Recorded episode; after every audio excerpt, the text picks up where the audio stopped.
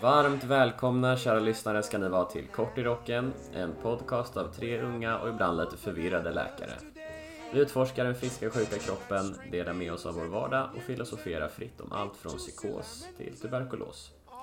När du hör oss berätta om ett patientfall så har vi ändrat på kön, plats och tid och ibland hittar vi helt enkelt bara på utav respekt för patientsekretessen och för att ingen där ute ska kunna känna sig exponerad.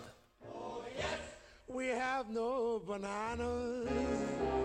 We have no bananas today. Det här avsnittet eh, det var, inte ens, eh, det var inte ens min idé, även fast det är jag som ska hålla i det. Utan det här är uppstått ur en lyssnarfråga från eh, ingen mindre än din kära lilla syster Agnes. Nej, vad kul. Det är så skönt att det inte bara är våra mammor som lyssnar på podden.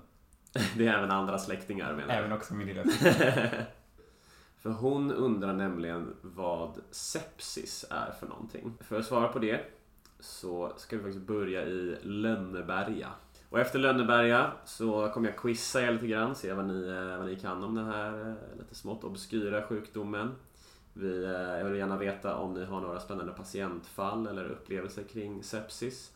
Och sist men inte minst så ska vi undersöka antibiotikans framtid och se vad den har att göra med Netflix. Yes, och sepsis är dagens tema. Och eh, det kommer som sagt bli ett ganska nördigt avsnitt så att eh, är det någon av oss som eh, blir alldeles för opedagogisk så får man ta fram linjalen och smälla varandra på fingrarna. Så vi börjar helt enkelt med första gången som jag och kanske många andra kom i kontakt med sepsis var faktiskt i Lönneberga dagen före dopparedagen.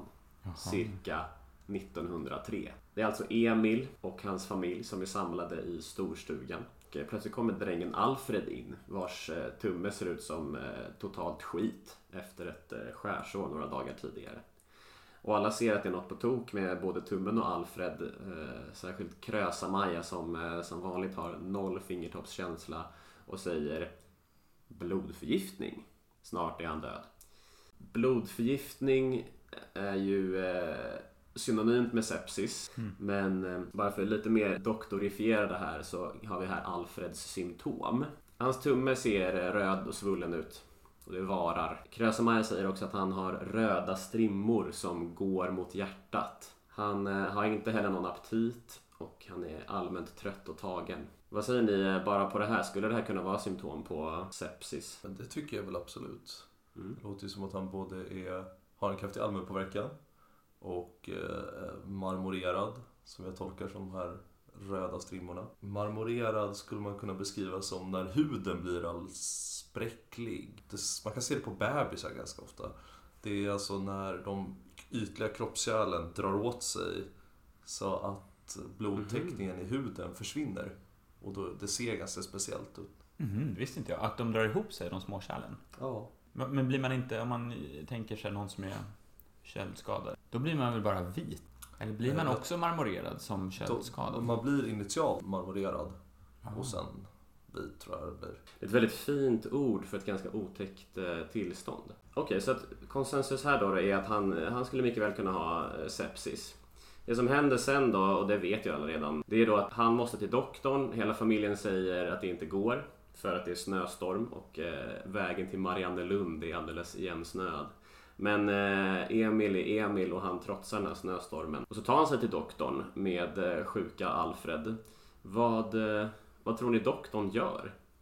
Vilken tid var det här sa du? Ja, vad, vilket årtal var det? Sa du 1903? Mm. Ja, Ja, det var jag- ingen antibiotika. Då får man nog eh, kapa bort den där tummen, skulle jag tro. Eller åderlåtning känns som en fix all. Det beror på vilken kunskapsnivå vi har hos den här doktorn. Precis. Jag vet inte fan om det framgår så tydligt, men han skär i alla fall. Sen vet jag inte om han skär av tummen eller om han liksom bara tömmer, eh, tömmer den på, på var. Men eh, det är precis som du sa Ludvig, 1903 fanns det ingen antibiotika. Vet ni när, eh, när den upptäcktes? Gissa på 1922? Jag tror att det var lite senare, kanske typ 40, tidigt 40-tal. Ja, alltså ni båda har nästan rätt. För att Nej, 19- sent 30-tal. 1928 var det då Fleming upp, råkade upptäcka det i sitt labb. Det var en liten svampspor som flög in i hans eh, odlingsrör och såg att eh, den dödade bakterier. Eh, Men det var först på 40-talet som man kunde massproducera det och att det faktiskt blev ett eh, läkemedel. Mm. Så frågan här är liksom, är fortfarande, hade Alfred sepsis? Eh, eller hade han liksom bara en lite jobbigare infektion? Och vi ska ju prata om liksom skillnaden däremellan. Eh, Men jag grävt lite trådar om det här. Och det var väldigt svårt att hitta om, eh, om det var sepsis eller var något annat. Däremot fanns det väldigt många teorier om att Alfred skulle ha haft syfilis. Jaha. Bara så här, i största allmänhet. Men eh, det var aldrig någonting som eh, Astrid skrev i klartext. We no got the banana today. Sen inför det här avsnittet så har jag också frågat eh, några vänner och typ främlingar på stan vad de tänker när de hör ordet sepsis. Svarta tår. Eh, ond bråd död. Eh, Jag tror inte jag har det ordet i min vokabulär. En kompis från Finland sa nasty, it goes under the no thanks folder. Eh, någon sa septum piercing. Någon sa blodinfektion. Någon sa man faller ihop på stan. En annan sa att det inte hade mycket att sätta mot min 97-åriga morfar. Tre gånger klodde han sepsis vid den åldern. Imponerande. Också mycket att tillskriva morfar där. Precis. Som att han gjorde det utan modern medicin. jag tycker att vi, vi låter morfar ta cred för alla tre gånger.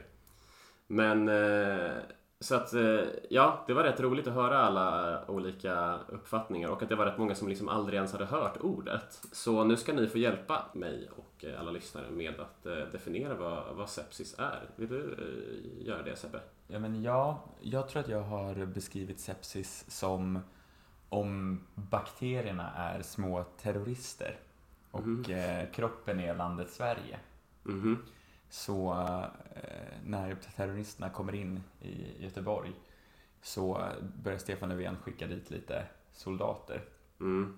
Och då är det en bakterieinfektion som är igång och kroppen som försvarar. Mm. Och då kan man ju få lite, liksom, man kan ändå få lite symptom på att immunförsvaret är igång. Typ exakt de symptomen som folk har när de fått ett vaccin. Mm.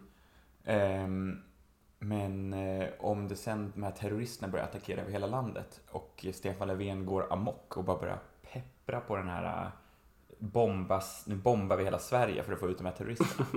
Då är det liksom, det är inte terroristerna som skadar Sverige mest utan det är faktiskt Stefan Löfven själv. Då har man sepsis. Så, så en vanlig infektion är en eh, invasion av Göteborg. Och en sepsis är en totalt nationell eh, invasion av terrorister.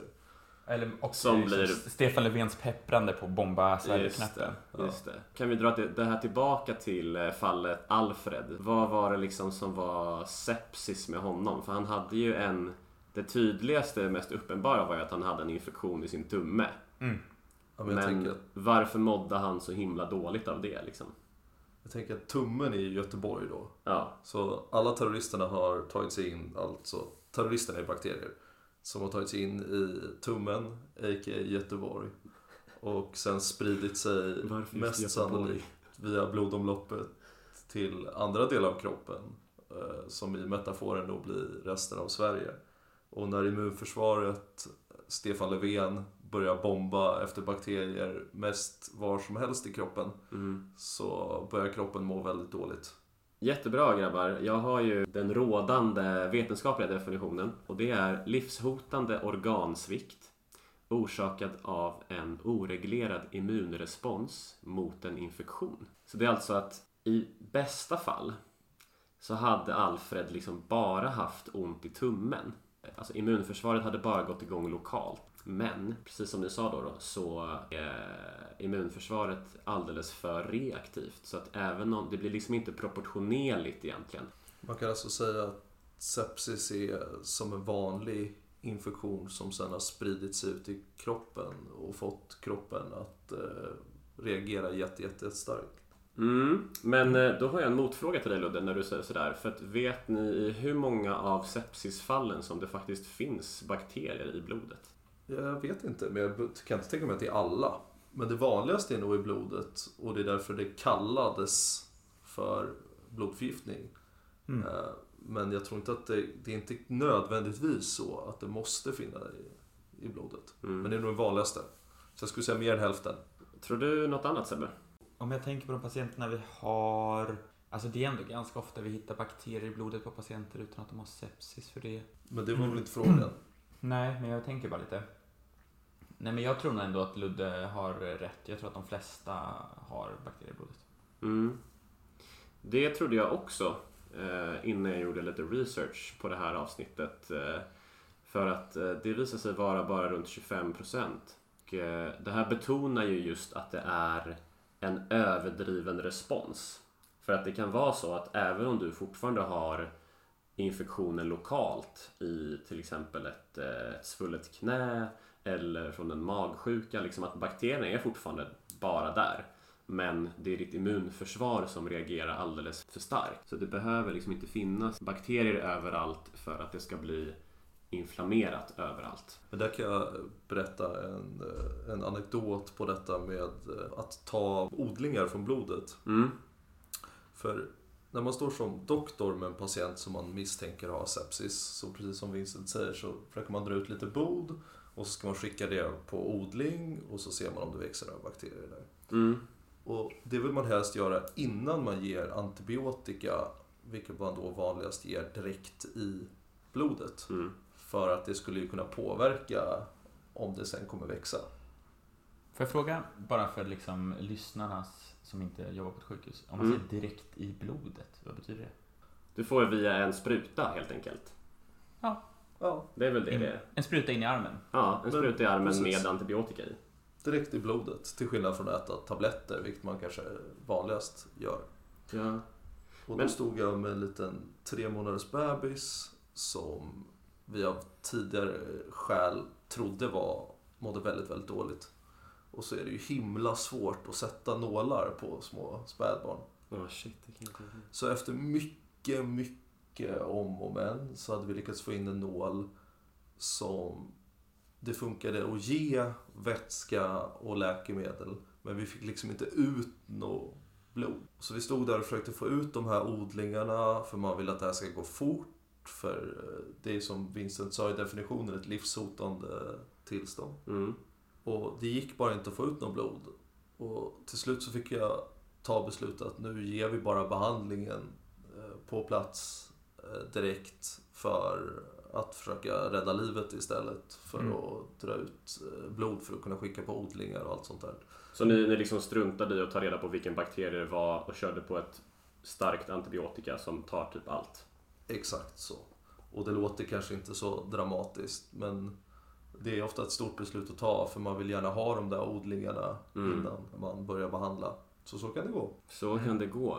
Men eh, precis, vi har, nu har vi några gånger nämnt här att det är ett livs, att det kan vara ett livshotande tillstånd. Men vi har fortfarande inte riktigt eh, berättat varför. Var, vad är det som är farligt? Jag tänker när Stefan Löfven här börjar peppra och bomba Ja. Sverige. Ja. Alltså precis som du sa innan, att själva definitionen av sepsis, alltså hur man definierar det, är att kroppen attackerar sig själv, men framförallt att flera organ börjar stänga ner. Om organ då var städer här, Mm. Göteborg är organet tummen, och Växjö är organet njuren, Stockholm Det är så organet- jävla sjukt att liksom. Växjö blir så här tio gånger viktigare än Göteborg. Stockholm är organet levern och så Malmö Nej, Stock, Stockholm är hjärnan. hjärnan. Stockholm är hjärnan. Ja, Kiruna är hjärnan. Okej, Kiruna. Och när då Jag man tänker börjar... Kiruna är typ gallblåsan. Nej, Kiruna så är musklerna. Mineraler och grejer. När man då börjar... När liksom Växjö börjar stänga ner. Som är njure 1. Vilken, Njure ett. vilken är njure 2? Gotland. Och Kiruna, Kiruna börjar stänga ner. Den här personen blir liksom helt, den blir helt vimsig. Just det, för Kiruna var hjärnan. Ja, och när man har, jag tror att är det inte tre, ska man inte ha tre organ som sviktar? Eller något sånt där. Ja, och vad är det liksom som faktiskt gör att de slutar fungera? De Det här är organen. oftast svullnad, tänker jag. Oj, vad bra fråga. Vad är det som händer? Alltså, okej, men kropp, immunförsvaret går amok. Mm. Eh, en sak som immunförsvaret, när det går amok, måste ju vara att, man, att blodkärlen som vi pratat om tidigare liksom börjar läcka. Precis. Eh, sen så är det väl att man får typ lågt blodtryck av det. Mm. Och då får, eh, eftersom det inte finns så mycket blod så kan det inte pumpas runt så mycket syre, så börjar man få syrebrist i organen. Exakt. reaktionen som blodkärlen har på en infektion, det är att de vidgar sig. Men om då kroppen tror att det är en infektion överallt och då har vi ju sagt nu att det är, i 25% av fallen så är det bakterier i blodet. Ehm, och i resten av fallen så är det bara de här, alla de här immunproteinerna och immunkomponenterna som cirkulerar. Men oavsett vad så, så vidgar sig nu blodkärlen i hela kroppen. Och då blir det väldigt svårt för hjärtat att bibehålla samma blodtryck. Mm. Och när du då kommer ner... Varför då? då? Jo, för att en, alltså, om du, har, du har ju samma volym blod eh, som nu ska pumpas runt i blodkärl som är mycket, mycket liksom bredare. Man brukar väl dra liknelsen vid, alltså blo- blodtrycksliknelsen brukar väl vara liksom att om du tar en trädgårdsslang Mm. och håller för tummen då minskar du ju mynningen och då blir det en jäkla sprut liksom.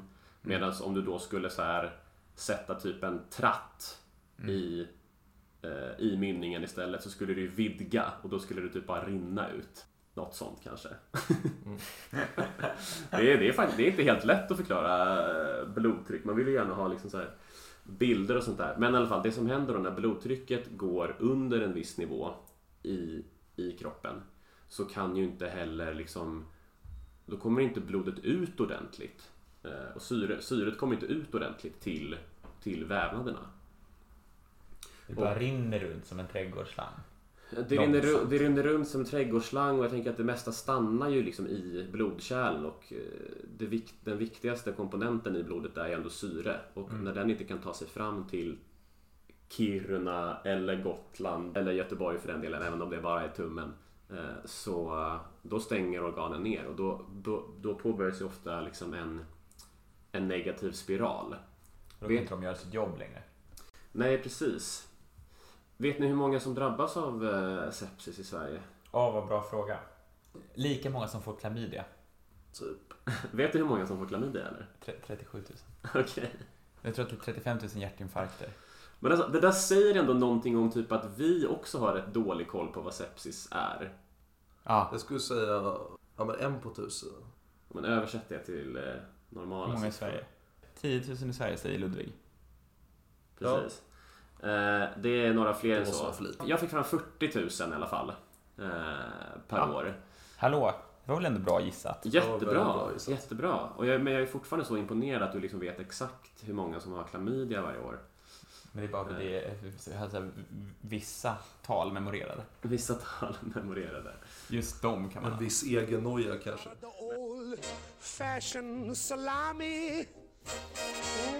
Mm, we even got the Brooklyn pastrami.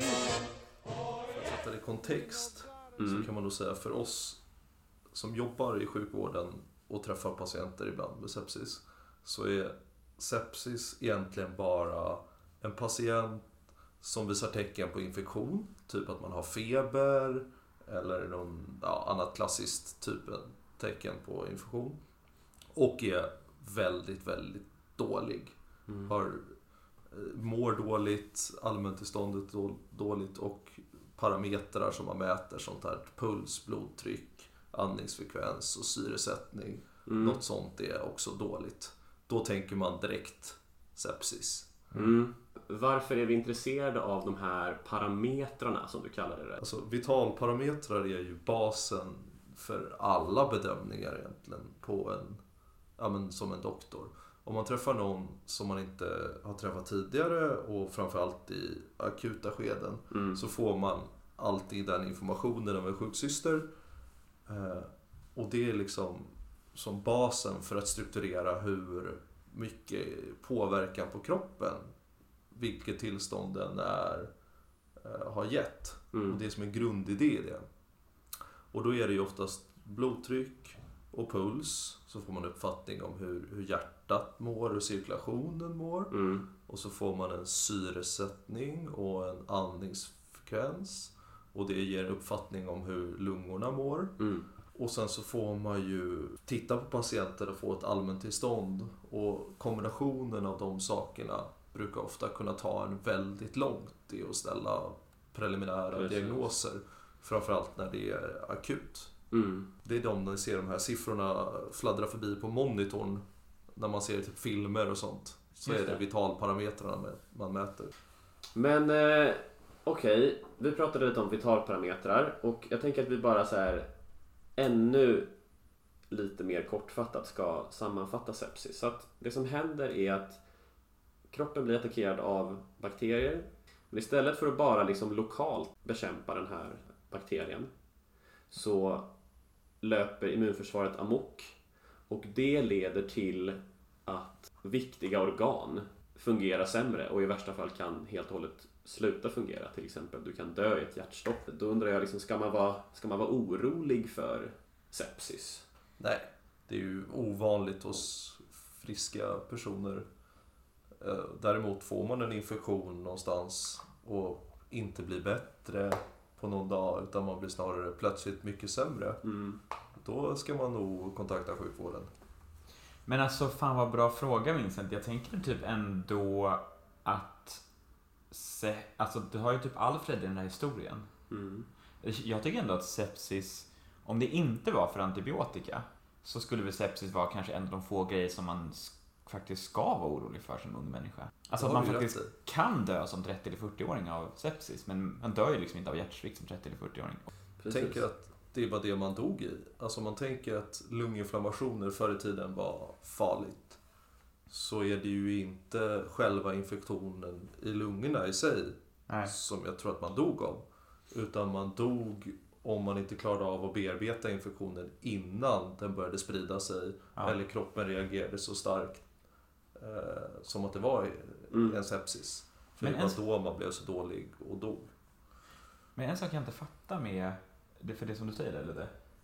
Alltså det, jag fattar inte varför, alltså om kroppen skulle vara så bra ut, alltså hur kan det vara att kroppen slår ihjäl sig själv? Alltså, förstår ni min fråga? Mm, mm. Hur kan det vara så att kroppen skapar sepsis? Det låter väl jättedumt?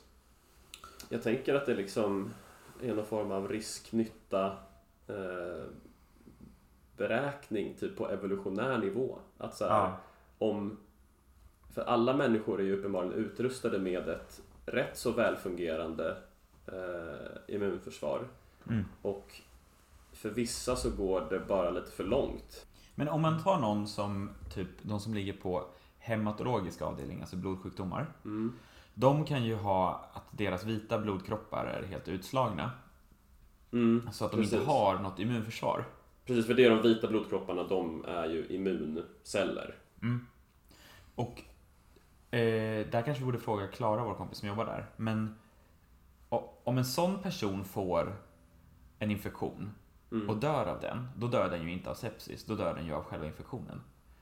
Undrar hur det skiljer sig från någon som jag träffar. På min avdelning dör ju folk hela tiden av sepsis, alltså typ varannan dag. Mhm. Mm. Jag, jag tror man ska komma ihåg att sepsis är när kroppen tappar greppet på situationen. För det som är sepsis, typ det här vi pratade om, att kärlen vidgar sig och börjar läcka. Det gör de ju för att fylla sin funktion i början. Så Ja. om man tänker att man Mm. har en liten infektion på en plats så vill ju alla kärlen runt omkring svullna upp och börja läcka så att alla immunceller i blodet kan komma in till den här vävnaden och bearbeta infektionen. Så alla de sakerna som händer vid eps- sepsis är ju saker som från början är till för att hjälpa kroppen vinna över infektionen. Mm. Men om infektionen liksom får överhanden då, då slår det tillbaks istället. Mm. Men frågan kvarstår ju ändå då. Varför har vi ens förmågan att ha en överdriven immunrespons? Borde inte det vara lite, lite mer välkalibrerat liksom? Evolutionen pågår fortfarande. Ja. Men sen ska vi också tillägga att liksom majoriteten av alla infektioner de stannar ju där bakterierna är. På De flesta infektioner. immunförsvaret har förmågan att göra de här sakerna. Precis, alltså, alltså immun, eh, sepsis uppstår ju inte i de allra flesta infektioner. Nej. Men eh, okej, du Ludde, du sa några gånger liksom att man har ett dåligt allmäntillstånd eller att man är allmänpåverkad. Det betyder ju liksom att bara så här blotta uppenbarelsen eh, är att patienten den bara, bara är dålig liksom.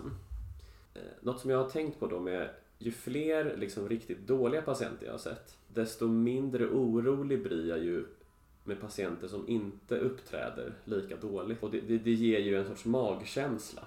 Att in, alltså jag menar, innan du ens har tagit dina prover eller undersökt patienten närmare så har man en magkänsla av att ja, men den här patienten är ganska okej. Vad, vad tycker ni om, har ni samma upplevelse och tycker ni att man ska liksom lita på den magkänslan? Hela mitt jobb går ut på att lita på den magkänslan. Alltså barnmedicin är mycket att bara bedöma allmäntillståndet. Mm. Därför att barn får mycket högre feber eh, och blir naturligt påverkade i kroppen av det. De får en ökad puls, de börjar andas snabbare av febern. Så ofta kan... Om man Pratar vi om när barn får sepsis nu eller bara i Nej, nej, bara när de är sj- sjuka och har någon form av infektion. Ja. Så den stora skillnaden för mig är inte ofta vad som står de här siffrorna på pappret, hur snabbt de andas eller vilken puls de har. Det spelar förstås lite roll, men det som spelar mest roll är att titta på dem. Mm. Därför är de glada och har lite energi kvar och man tittar på hur andningen ser ut. Ser den jobbig ut eller ser den inte jobbig ut trots att den går lika snabbt? Eh, Så spelar det jättestor roll. Mm. För jag kan se ett barn med 40 graders feber och jättehög puls och andas supersnabbt. Men som ändå ser glada ut. Det ser Mhm. inte jobbigt ut med andningen. Och då kan man ge dem febernedsättande och så kan de åka hem. Oj. Och så kan man se likadana barn som är helt utslagna, bleka, trötta och slöa i mammas famn. Och då är det, nu måste vi göra någonting nu, nu, nu. Annars Mm. kommer det här barnet kunna gå riktigt illa för liksom. Var det så med den där tre månaders bebisen till exempel? Så var det till exempel med den tre Mm. månaders bebisen. Mm. Och det hände faktiskt successivt framför ögonen på mig. När barnet kom in var det fortfarande lite, lite kontakt och var ändå lite med men påverkad. Mm. Men det försvann nästan helt och hållet bara under den här äh, kvarten, 20 minuten vi höll på. Mm. Det är ganska fullt pådrag på, på akutrummet vid ett sånt fall, eller hur? Ja, då stod eh, jag och jag kallade dit en seniorläkare som jobbar med mig och såna här narkosläkare och, och säkert fem, sex eh, systrar och undersköterskor. Vi var säkert en 10-15 stycken på Mm. rummet för att bara Mm. se till att det skulle bli bra. Mm. Känner inte det som att det är lite för många kockar? I Det blev lite för många kockar. Ah, okej. Men eh, det viktigaste är att det blir rätt gjort. Och Ja. då är det ändå den som har tagit emot patienten som är ansvarig. Som måste liksom se till att diktera, eller Mm. diktera villkoren och se till att saker händer i den ordning de ska. Och det var du eller den här seniora läkaren i det här fallet? Nej, det var jag i det här fallet. Mm. Jag bjöd in den här seniora kollegan som ett stöd. Mm. eh, För att se till att inte jag gjorde några misstag. Just det. Fan, det är så jävla bra att det finns det. Ja, herregud. Det är väldigt skönt att veta. We no got a the banana today. We got a little beans and the bigger beans and the red, the beans and the white, the beans and all kinds of beans and say we got the old fashioned salami. Mm, Det är ingen av er som har haft sepsis, va? Nej. Nej. Nej, inte jag heller. Och det kanske bestyrker också att det är rätt så ovanligt bland unga friska personer. Men det ställer ju en vidare fråga. Hur går det för de flesta som får sepsis? Ja, Dåligt tror jag. du tror att det går dåligt? Ja, men jag tror att om man frågar så här, alla som får sepsis, så tror jag att de flesta är liksom 80 plus. Och det i sig gör 80 plus och väldigt sjuka. Mm. Jag tror att så här, 30 dagars dödligheten som man brukar mäta i. Alltså hur många lever efter 30 dagar efter den ställda diagnosen. Mm. Och inte bara efter den ställda diagnosen utan efter man har behandlat sepsisen. Liksom. Ja, tror jag är typ att 25% dör eller någonting. Det är ganska mitt i prick. Eh, runt 20% som, eh, som avlider. Men precis som vi sa innan så är det liksom de som redan är gamla, vilket är lika med sjuka oftast. Eh, så är det ju för att de har liksom sämre marginal att klara det här. Liksom. Så att förr i tiden till exempel eh, på eh, Alfreds tid Ja.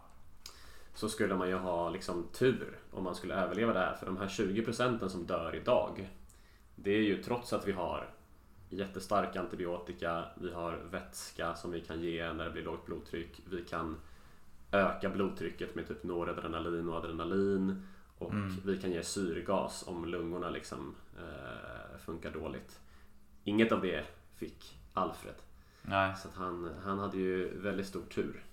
men man skulle ju också för att vilja... vi inte ska skrämma ihjäl våra lyssnare så tror jag att de flesta unga som har oturen att drabbas av det här går det bra för. Ja, Mm. Jag tror inte att eh, det här är för alla som får blodförgiftning. Ja. Inte, precis. inte tidigare friska människor som får Nej. blodförgiftning. Alltså man skulle kunna fråga till exempel i Danmark så får man ju smörrebröd på sjukhus, som sjukhusmat. Fan vad äckligt. Gud vad nice. Patienterna får det. Och ehm, det finns en då som är med leverpastej. Mhm. Och det tänker jag att det är nästan bara folk över 80 som väljer det. Mm. För det är liksom en sån gammal klassisk dansk rätt. Och, och man, det är skulle, så gott. man skulle kunna göra en studie då av alla som har fått leverpastejs smörrebröd. Ja. Som, som bara, så att alla som har ätit det, det är bara de som ligger på sjukhus och de som är över 80. Och så kollar man 30 dagars överlevnaden på den. Då är det säkert, då är det säkert också 10-15% som har dött inom 30 dagar. Så man kan säga att det är många som har det som last meal. Ja, men att sepsisen kommer en viss tid i livet kan man säga. Fan Sebbe, du måste ju göra den här studien. Eller hur? Jag tror att det hade varit ganska enkelt. Kanske svårt att söka etiskt godkännande liksom. Och, Men det kan väl inte vara så svårt? och, och kanske liksom taskigt mot leverpastejstillverkarna. Gud, Ja. jag ska bli inlagd i Danmark och äta leverpastej, smörbröd bara för att bli en confounder. Bara för att skeva till siffrorna. Bara titta, jag dog inte. Men så, och kontentan av det är att man inte ska vara så rädd bara för att man har ätit en, en leverpastejs smörrebröd. Men då kan jag ju så här, vad är motsvarande till Aftonbladet i eh, Danmark? Aftenposten. Det Aftenposten. är nog... Eh, Skvallerbläsken. fan heter den då? Ja, men deras motsvarighet till eh, Aftonbladet hade ju då kunnat Ja. göra en eh, så här, rubrik på framsidan där det står Du dör av att äta leverpastej Ja. och smörbröd. Ja, om man gjorde det För det är så det man, funkar. man skulle nog bli, man skulle nog lätt att få bli publicerad i liksom i sådana skvallertidningar. In, inte i Nature, men däremot i skvallerblaskorna i Köpenhamn. Exakt, och det är det som räknas för fame. Exakt. Du får skaffa en TikTok och göra den här studien där. Sebbe vill bara bli en känd på krogen. Precis, influencer. Berätta om din Ah, info. du är Ja, smörbrödskillen! du som är leverpastejsman. Fuck men! Sebbe blir nya Iprenmannen. Iprenmannen, Sveriges första influencer. Men yes, sepsisbehandlingen är ju eh, framförallt antibiotika. Innan antibiotikan så var det väldigt, väldigt många som dog av sepsis. Eh, alla förutom Alfred. Och det tänker jag leder oss in på det här avsnittets sista del Ja. som eh, faktiskt ska handla om något relaterat, nämligen antibiotikaresistens. Mm. Kan inte du berätta vad det är för någonting? Varför är det ens en grej, Sebbe? Eh, det kan jag absolut. Jag måste ändå säga att det här ligger mig varmt om hjärtat. Mm. Eh, jag kommer säkert ägna otaliga timmar framför ett skrivbord med det här. Mhm. Alltså, det har vi redan gjort, men eh, det är det som jag eh, skrev min masteruppsats på och sånt där. Just det. Sebastian ska ju alltså bli infektionsläkare. Och nu ska jag bli infektionsläkare, till exempel. Mm. Ehm, Ja men shoot! ja, visst. Antibiotikaresistens. Vem är det som blir resistent? Det är ju, det är ju bakterierna som blir, som blir resistenta mot eh, ett visst antibiotikum. Det är väl egentligen ganska enkelt. Blir bakterien resistent funkar inte antibiotika och då kan man inte behandla liksom, en infektion. Mm. Ehm, och då, då dör folk. Och jag tror att, om jag har några sådana siffror som jag kommer ihåg från när jag skrev den här uppsatsen så var det att eh, 2050 så räknar man med att fler människor kommer dö av antibiotikaresistens än av all cancer tillsammans. Mm. Vilket är sinnessjukt ju. Mm. Herregud. Mm. Tror ni verkligen att det kommer bli så då? Alltså det, om man kollar på klimatförändringen nu och hur långsamt det går trots de fruktansvärda liksom, forskar... Eh, eh, vad, man har, vad man har visat rent forskningsmässigt. Eh, Men jag måste ändå säga att hittills så tror jag att eh, antibiotikaresistensen har liksom kampen mot det vinner på att det hittills inte har blivit särskilt politiskt. Alltså det är inte en sån eh, Okej. vattendelare som klimatfrågan är. Ja. Det är inte lika okej. polariserat. Aha, det känns som att- Intressant. Det känns som att det finns mer ett eh, internationellt samarbete kring det. Sen så saknas det ju ehm, eh, mediauppmärksamhet. Mm. Men, eh, men jag tror ändå att paradoxalt nog så tror jag att det kan också tjäna på att det liksom inte har blivit en sån eh, ja, vattendelare. Jag tänker det finns ju lite relevant bakgrundsfakta att ta upp. Ja. Så precis som du beskriver Sebastian, så resistensen grundar ju sig att själva bakterien som kanske redan finns i vår kropp från början eller vi får utifrån Mm. har utvecklat en resistans mot ett vanligt typ av antibiotika eller liknande. Eh, och då kan man ju säga, till att börja med finns det ju massa olika typer av antibiotika. Det Mm. man brukar kalla för penicillin var ju en gammal typ av antibiotika.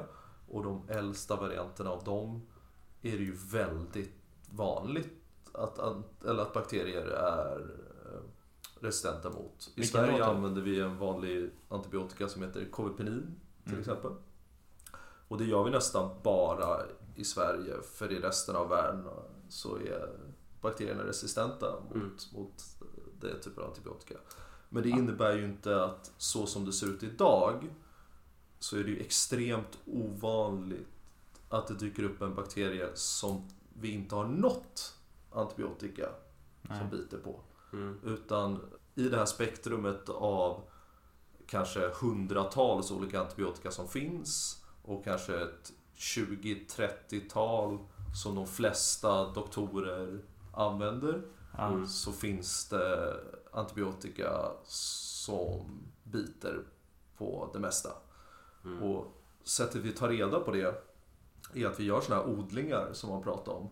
Man kan odla på blodet eller i näsan eller på slem man hostar upp till exempel. Eller på ett sår. Och så skickar man det till ett labb och så låter de det växa i en sån här liten odling. Och sen så duttar de ner lite olika antibiotika i den där odlingen och så ser de vad som dödar bakterien och vad som inte dödar bakterien.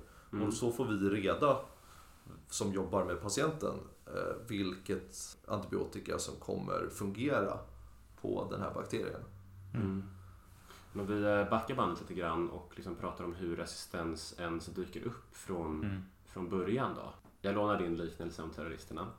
Men istället då för att eh, vi nu pratar om immunförsvaret eh, som motattacken så använder vi nu liksom ett, eh, ett vapen vi, som får vara antibiotika då. De flesta av de här terroristerna kommer dödas av det här vapnet, av antibiotikan. Men så kanske det är någon liksom slug terrorist som helt enkelt duckar de här kulorna eller bara helt enkelt är, inte tar skada från de här vapnen. Mm. Och det som händer då när alla andra har dött och den här sluga terroristen är kvar. Det är att då är spelplanen hans. Och han kommer multiplicera sig. Och eh, bli fler och fler och fler. Och då kan ju vi peppra på honom bäst vi vill. Men eftersom att han inte tar skada av det så har vi nu utvecklat en eh, resistent terrorist. Eller en resistent bakterie. Ja. Och vad jag kan liksom ana lite här är att Sebbe blir oroad av de här siffrorna. Men, men det känns som att du Ludde, du, du verkar inte vara lika orolig för det, eller tolkar jag dig fel? Nej men jag är inte lika oro, orolig faktiskt. Nej? Jag Vill du har bli? inte jättebra koll på hur forskningen ser ut på det. Men jag har förstått och hört lite om att man håller på att utveckla en del antibiotika som ska vara mycket mer specifika för vissa typer av bakterier. Alltså, när vi använder ett antibiotika idag så brukar vi använda ett antibiotika och räkna med att det tar hand och dödar en massa olika typer av bakterier. Mm. Och det gör de ju för att de, antibiotikan är liksom byggd så att den ska vara ett gift för en funktion i bakterien som massa olika bakterier har. Mm. Men jag tror att vi kommer utveckla antibiotika som på ett bättre sätt lär sig angripa en specifik typ av bakterie och någon funktion den bakterien har. Mm. Och det är mycket svårare att utveckla resistens mot. Så jag tror att det kommer komma fler antibiotika som är mer specifika och som gör att vi förhoppningsvis kommer kunna hålla oss framför den här kurvan. Men det är ett mycket allvarligt problem med antibiotikaresistens. Mm. Men jag tror att vi kommer kunna lösa det. Mm. Jag, eh, jag gjorde lite research och här kan du säkert eh, komplettera Sebbe som har läst mycket om det här. Liksom. Ehm, Men det finns ett antal faktorer som då driver på att bakterier blir resistenta. Det mest klassiska exemplet som jag tror de flesta har talat om det är ju typ att man inte tar hela, sitt, hela kuren med antibiotika. För att, säg då att du ska ta ditt eh, penicillin i eh, sju dagar men så känner du dig bättre efter bara tre dagar och så slutar du där.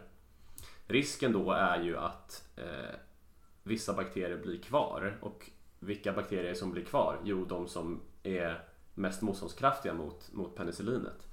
Och då ökar då risken att de här eh, mutanterna infekterar dig istället och sen när du väl ska liksom gå på nästa behandling så, så, så kommer inte det funka och dessutom kan du sprida det vidare. Eh, sen är ju också ett stort problem är att vi, vi överförskriver antibiotika. Vi, Ja. vi är väldigt duktiga på det i Sverige. Eh, att att liksom vara selektiva med vem som ska ha det och det finns många infektioner som liksom helt enkelt läker lika bra utan antibiotika. Mm. Eh, Men i stora delar av länder, eller i stora, i stora delar av världen så förskriver man alldeles för mycket. Alltså Mm. det räcker med att du bara sätter foten innanför eh, doktorns kontor och så får du ett recept på typ ciprofloxacin. Jag har en bra historia på det. Ja, När jag var skolhälsodoktor i Indien, Mm. eh, som jag gjorde som ett litet projekt, så åkte vi ut till en skola tillsammans med några lokala doktorer.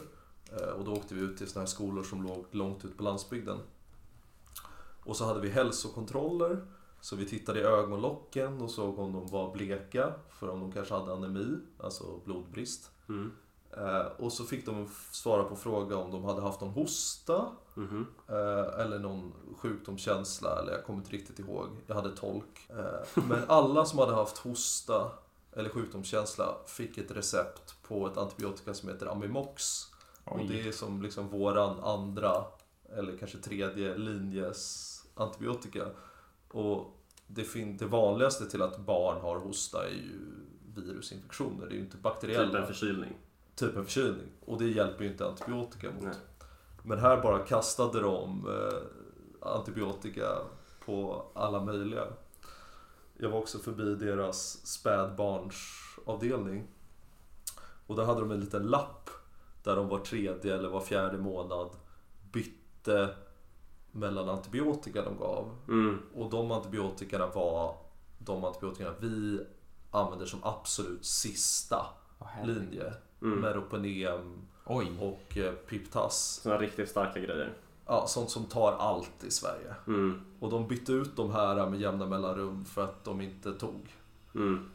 Nej. Så det ser ju helt annorlunda ut i andra delar av världen än vad det gör i Sverige.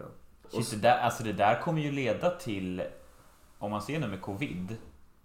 Om man ser vad som händer med covid nu och hur länder stänger ner.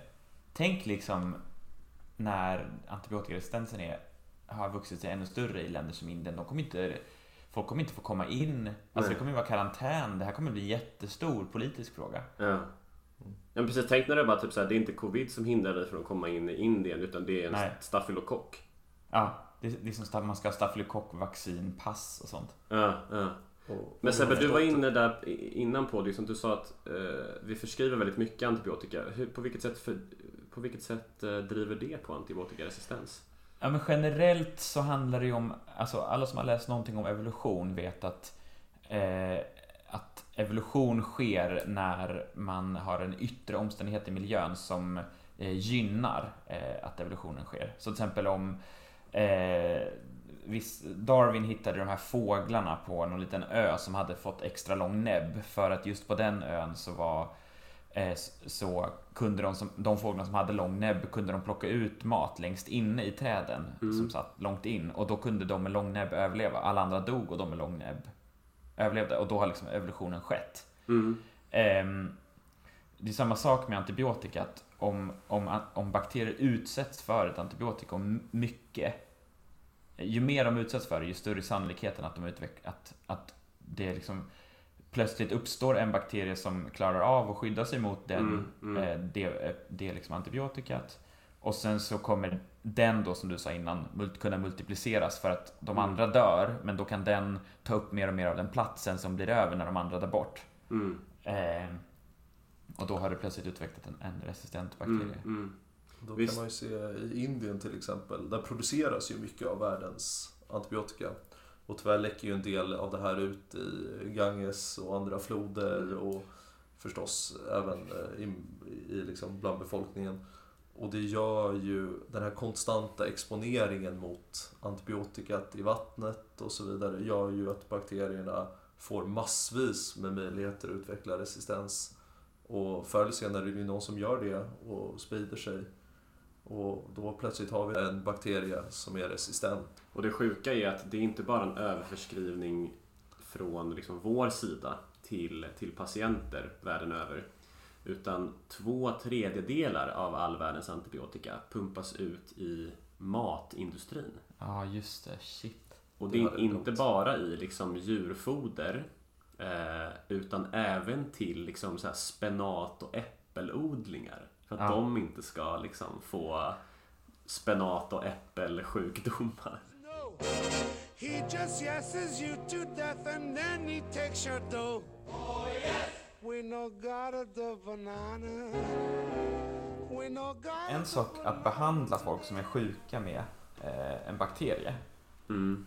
eh, och liksom rädda deras liv med det. Men det är en helt annan sak att bara ge antibiotika till inte sjuka då eh, djur eller växter i det här fallet då. Mm. Ba- som liksom att, man, att de försöker, ist- istället för att behandla, säg att en, en på, på, på liksom tusen kor blir sjuk, Mm. så um, behandlar man alla och så blir det en mindre som dör och då Mm. tjänar man lite mer pengar. Mm. Mm. Och så måste man göra det för att konkurrenten gör samma och man lever i en global kapitalism. Vi, Capitalism yo!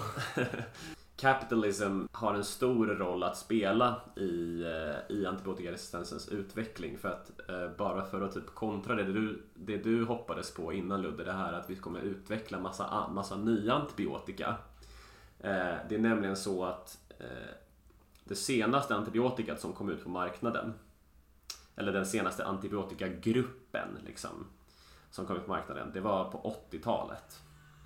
Alltså ungefär 40 år sedan. Eh, Absolut. 2015 så eh, upptäckte man en ny sorts klass antibiotika, Teixobactin, som inte finns på marknaden ännu. Men eh, där tror man att i bästa fall så kommer det antibiotikat att finnas i att vara verksamt i 20-30 år. Så om man då ser liksom rent evolutionärt. Människan har funnits i ungefär 200 000 år. Antibiotikat började massproduceras som läkemedel för 80 år sedan. Och det finns en väldigt stor risk att inom liksom 30-40 år så är antibiotika inte ens en grej längre. Läkemedelsföretagen har successivt slutat att ens forska Mm. på antibiotika. Ehm, För det är inte lönsamt. Precis. Ehm, Så att, alltså, enkelt sagt fungerar ju läkemedelsindustrin så att liksom tidigare vinster eh, är det som står för den största delen liksom av, eh, av kassan och det betalar för forskning och framtagning av nya läkemedel. Mm. Och sen så är det då staten som köper upp ett antal miljoner piller eller eh, sprutor eller sådär. Vilket då ger företaget förutsättningar att fortsätta forska och producera. Mm. Men om man då tar antibiotika kostar ungefär en och en halv miljard dollar att utveckla ett antibiotika.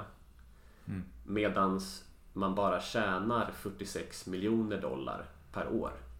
Jävlar. Så det skulle alltså ta mer än 15 år att liksom ens gå plus minus noll på en sån här grej. Så att 16 så slutade AstraZeneca eh, att forska på antibiotika. Jaha. Samma år slutade även Sanofi som är ett jättestor eh, läkemedelsföretag i, eh, i Frankrike. Och Novartis slutade forska på det 2018. Herregud. Men Så- tyder inte allt det här på att vi står inför en revolution?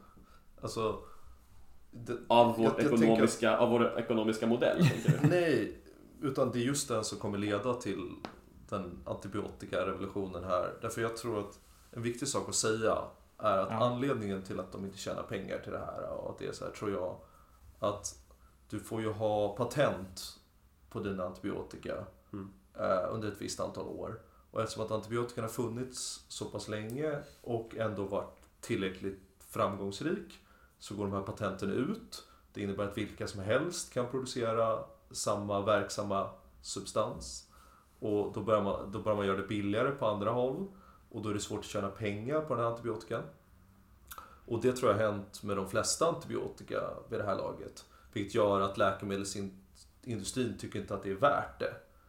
Och det som behöver hända är ju då att det ska uppstå en ny mark marknad för något tillräckligt specifikt och, och mer verksamt. Så att man kan ta fram ett patent på ett antibiotika som behövs tillräckligt mycket ute i vården för att de ska tjäna pengar på det. Och dit är vi onekligen på väg Men hur-. Hur är vi på väg dit när det forskas mindre och mindre på nya antibiotika? Jo, därför att jag tror att fortfarande tycker man att antibiotikan som vi har fungerar tillräckligt bra. Det är väl några det- enstaka personer i världen som har dött av bakteriella infektioner som inget antibiotika tar på. Det är 700 000 per år som dör av antibiotikaresistens. Fan vad bra siffror du har Vincent. Enstaka. Nu, det är helt alltså. sjukt. Det är Just helt nu. sjukt.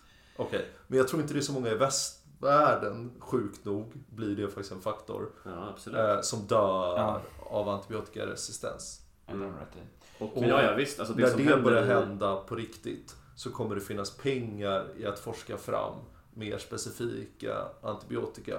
Och det tror jag kommer vara ett paradigmskifte i eh, antibiotikaforskningen. Ja, det kan man ju hoppas. Alltså, så här, jag, jag, jag har också någon form av sån revolutionär förhoppning att eh, när liksom covid kom till västvärlden så tog det oss liksom ett år att eh, forska fram ett jätteeffektivt vaccin. Eh, så att det kanske finns en sån här liksom västvärldseffekt att eh, Men vaccin är ju annorlunda. Vaccin är ju jättemycket pengar i. Det- Alla ska ju ha vaccin. Så, så är det absolut, men, men det finns fortfarande en teori där. Att Ja. När ett problem tar sig utanför liksom, eh, låginkomstländer ökar liksom, ja, men, rädsla är en väldigt eh, stark drivkraft. Liksom. Och vi här borta är ju inte rädda för svält. Men skulle vi börja drabbas av svält så tror jag att det hade gått väldigt mycket snabbare att göra någonting åt den saken. Liksom. Mm. Eh, Alltså jag, jag tycker att det är ändå att det är nice att, vi, att Ludde spelar liberalen i vårt gäng här. Jag tror inte han spelar. Nej men att han tar rollen. Eller han, att han... ehm, Ska jag ta det här som ett slag under bältet? Nej, nej, jag tycker att det här är bra. Alltså annars, om vi bara alla tre skulle sitta och hålla med varandra om diverse marxistiska teorier så skulle det bli lite inskränkt tror jag. Men alltså lyssna bara på den här meningen från en, en VD från eh, Novo Nordisk. Ja. Antibiotics used to be profitable back in the 60s when you didn't have to consider resistance an issue. Oj. För att då kunde du ju förskriva hur mycket som helst. Alltså Ah. läkemedelsföretagen i sig, de visste väl att typ resistens var liksom att det fanns. Men det var ingen som visste att det liksom var ett stort, att det skulle bli ett stort problem. Och Ah. det gör ju att liksom företagen i sig, de har ju drivit på att, att läkare ska skriva ut antibiotika för förkylningar. Liksom. Men eh, sen så, då, så längre ner i den här artikeln som heter Why Big Pharma has abandoned antibiotics research. Mm.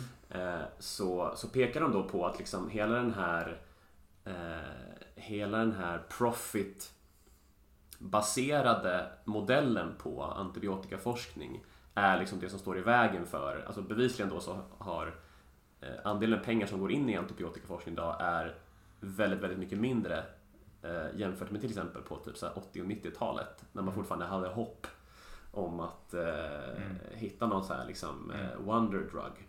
Mm. Eh, Men och så, så att, för att modellen har varit att som sagt när du har ett färdigt läkemedel då, Ja. då kan du ta betalt av staten per piller. Men nu är det då några eh, regeringar som har gått ut med Netflix-modellen. Ehm, Så att i takt med att läkemedelsföretagen brister i sitt finansiella maskineri Ja. så är det då mer och mer upp till regeringar och även typ storbanker och stiftelser att steppa in på olika sätt. Och Netflix-modellen är alltså att staten börjar prenumerera på eh, företagens forskning och eventuella framsteg. Så att om, om, om du Ludvig då är Big Pharma och jag är regeringen så be- betalar jag i normala fall dig per piller. Eh, Så alla pengar innan du faktiskt har en färdig och fungerande produkt måste komma från dina tidigare vinster.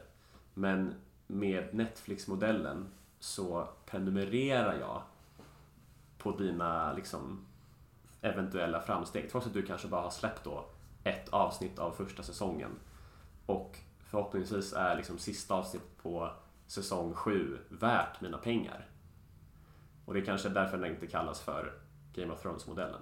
Eh, Så Men du menar shit. att du betalar mig en prenumeration för att då också finansiera min forskning när jag håller på att ta fram nya antibiotika? Precis.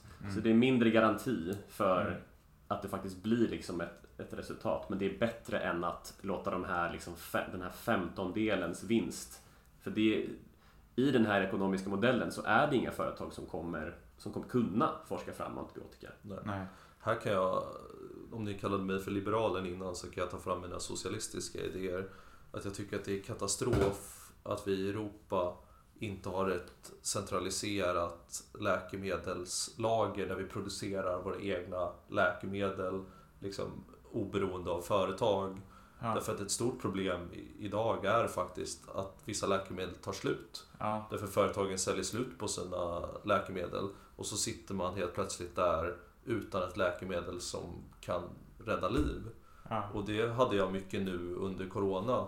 För ett läkemedel som man använt mot sån här jättekraftig immunrespons Ja. som många vuxna patienter fick eh, av Corona. Tog ju då slut. Levodox?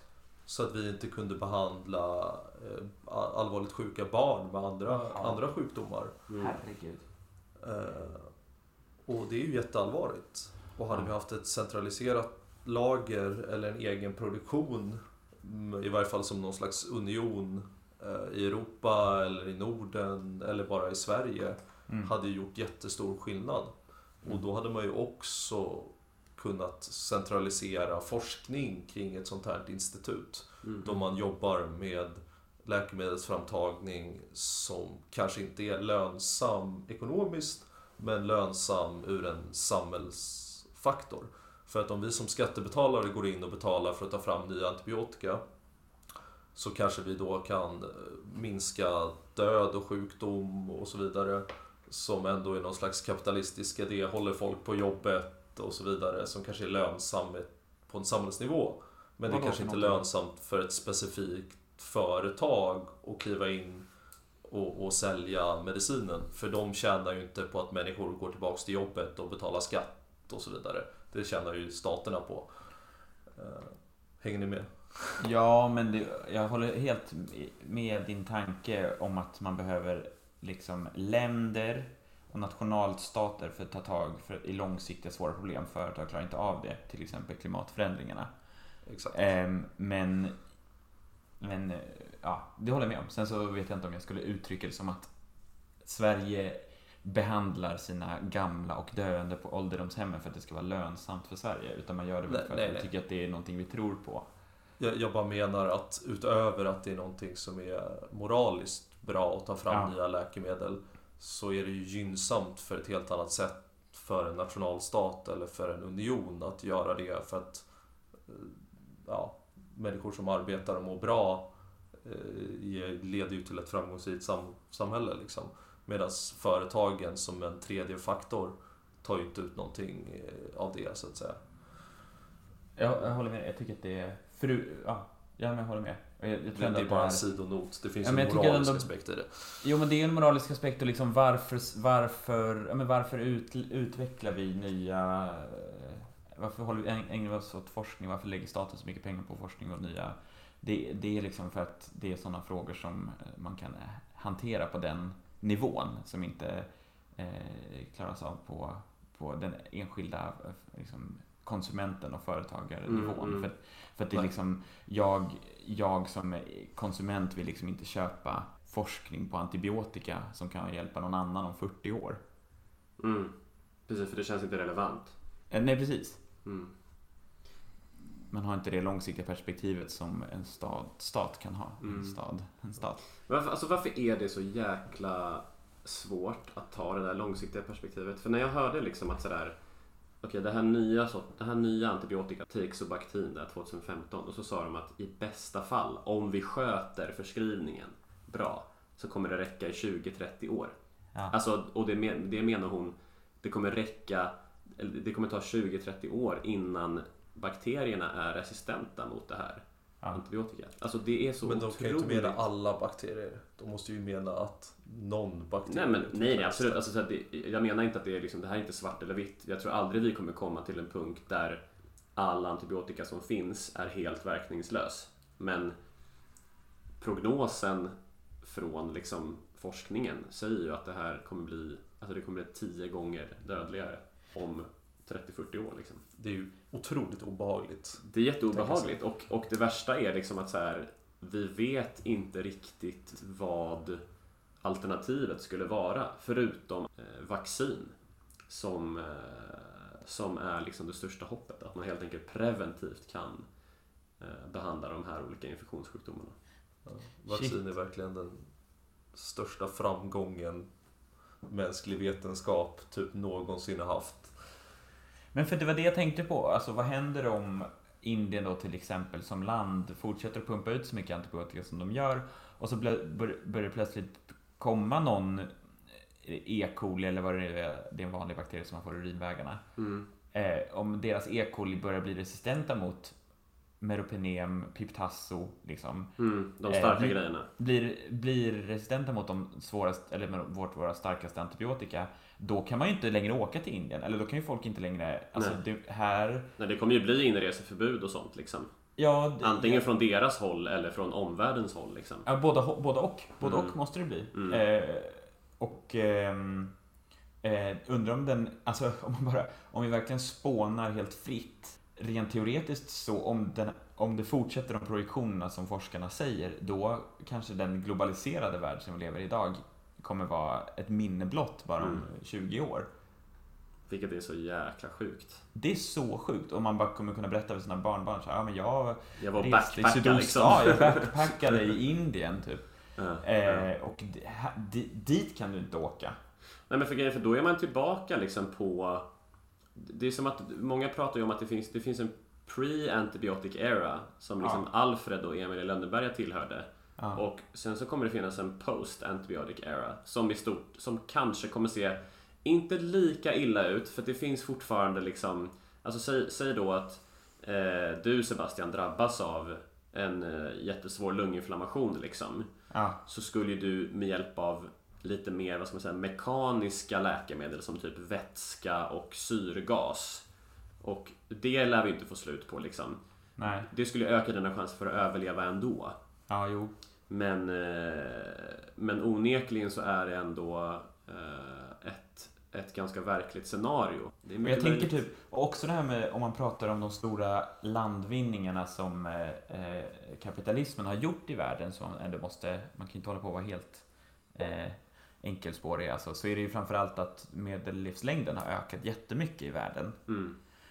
Men, men då tänker jag framförallt inte för att folk blir 80-90 dagar där de tidigare blev 60-70. Det är inte framförallt det, utan det är framförallt att typ barn eh, inte Överleva, dör ja. Mm. eh, de här tidiga infektionerna.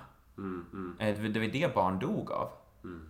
Eh, och om, om nu antibiotikaresistensen skulle, resistensen skulle utbreda sig så, så som vi är rädda för, då kommer ju medellivslängden att, att hastigt börja sjunka igen. Mm. Om, om det plötsligt börjar dö massa barn innan fem års ålder.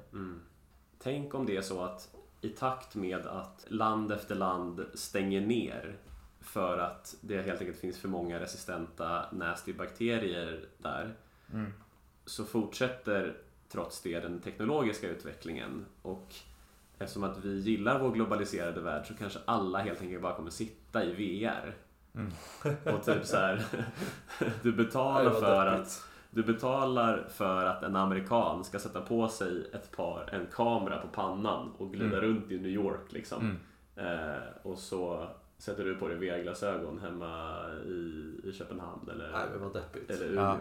Jag, jag vill minnas att jag har läst eh, någon studie som visade att det här du var inne på att eh, folk inte kommer kunna åka till Indien. Att en majoritet av de som har åkt och rest i Indien, jag tror att det var en svensk studie, eh, ni får inte ta mig allt för hårt, men kom tillbaka med det som kallas för VRE i tarmen. Ja. Alltså, det står för vankomucinresistenta enterokocker. Just det. Så det är ju delvis redan sant. Sen Mm, blir de flesta av med det. För att man får in bakterier från främmande miljöer.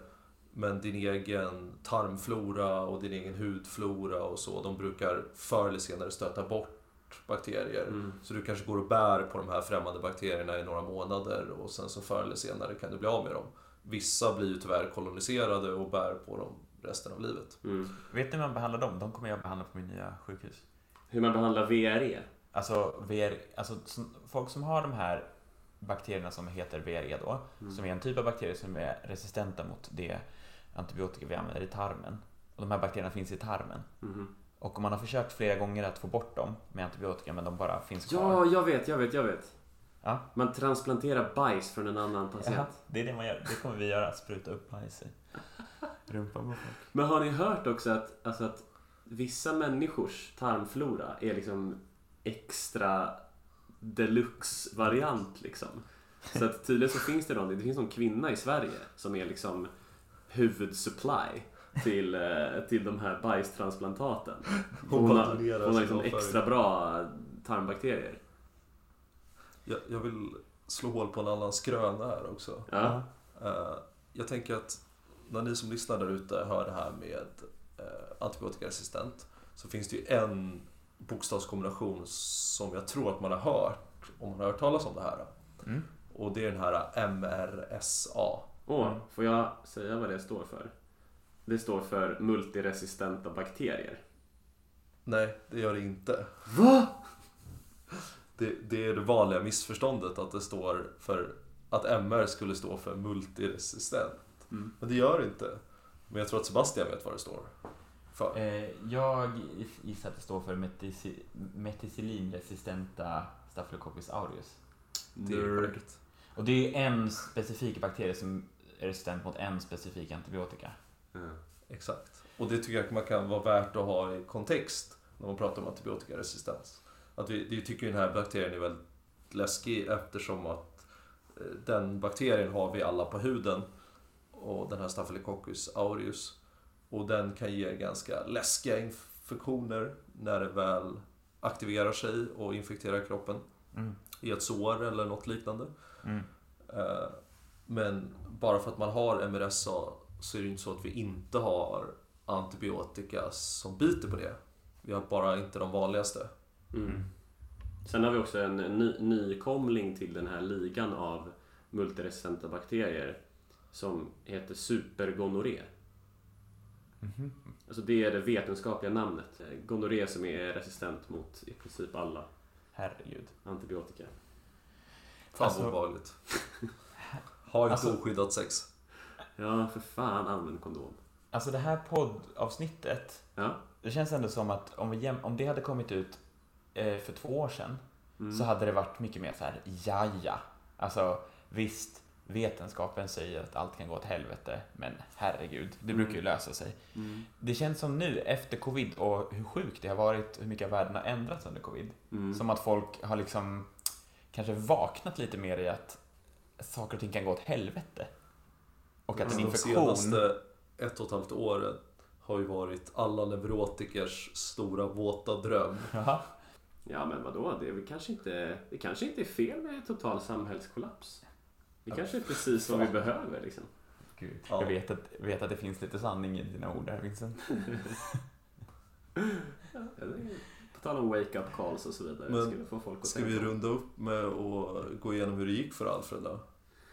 Eh, ja, det har vi ju inte ens eh, eh, sagt. Eh, vi kan väl börja med att bara sammanfatta liksom det, lite av det vi har eh, pratat om. Vi Ja. började med att besvara Agnes lyssnarfråga. Ja, Som var, vad är sepsis? Och så, sa, så försökte vi förklara det på ett o, eh, otal Eh, sätt och kom fram till att det är när eh, immunförsvaret reagerar alldeles för starkt på en infektion vilket leder till eh, skada på viktiga organ som typ hjärta och lungor. Och så har vi även pratat lite om våra egna erfarenheter med liksom vad som är en septisk patient, vad som är en dålig patient. Och sen kom vi då in på, på framtiden som är mitt absolut favorittema. Och vi pratade om antibiotikaresistens och jag gillar att det som vanligt var lite olika uppfattningar och lite olika liksom eh, horisonter. Eh, vissa, var, vissa av oss var hoppfulla, andra var lite mer dystopiska. Eh, jag tycker det är lite nice att ha dystopiska, apokalyptiska tankar. Kan, eh, Man brukar ju må jättebra när man har sådana tankar. Nej men jag kan tycka att det är som en sorts... Det är en eh, liksom typ påtaglig, eh, nästan lite mysig ångest. Ja, jag vet, jag, tror att, jag, jag, jag ser att det finns möjligheter i, eh, i apokalypsen. Det som kommer efter är lite som en fågel Fenix. det är bara för att du skulle passa så himla bra och gå runt ensam på en ödslig gata med en revolver, eller vad heter det, med en sån, med ett, ett vapen över axeln. Det känns som du passar bäst av... En sån liksom hemmagjord spikklubba typ. Ja, Och men vad heter- döda zombies. Ja, det känns som att du är den jag, jag känner som passar bäst som i en sån, eh, vad heter den, Will Smith-film, vad heter de här, den här när han är I am ensam. legend. Ja, Ja, ja men... Eh, du och en hund. ja, ja, kanske på sin höjd. Mm. Kanske en katt. Katten Men det sa jag som en stor komplimang. Ja. Men så måste man också säga att eh, om läkarkåren dör ut så kan vi ändå lägga vår tilltro till den mest medicinskt kompetenta psykolog jag känner. Som är... Agnes von Schreeb. nu är hon dessutom ännu mer medicinskt kompetent för nu vet hon vad sepsis är. Och vad hände med Alfred? Jo, han överlevde.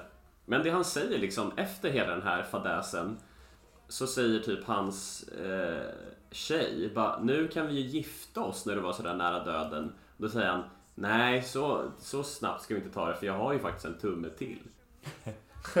Så jag vet inte om det betyder att det finns en tumme till att infektera eller att han bara har en tumme kvar. Ja, jag vet inte. Någon som har, eh, någon som har sett den här lite mer i närtid kanske får eh, upplysa oss. Men eh, okej, tack så mycket för det. Tack för idag. Ja. Tack!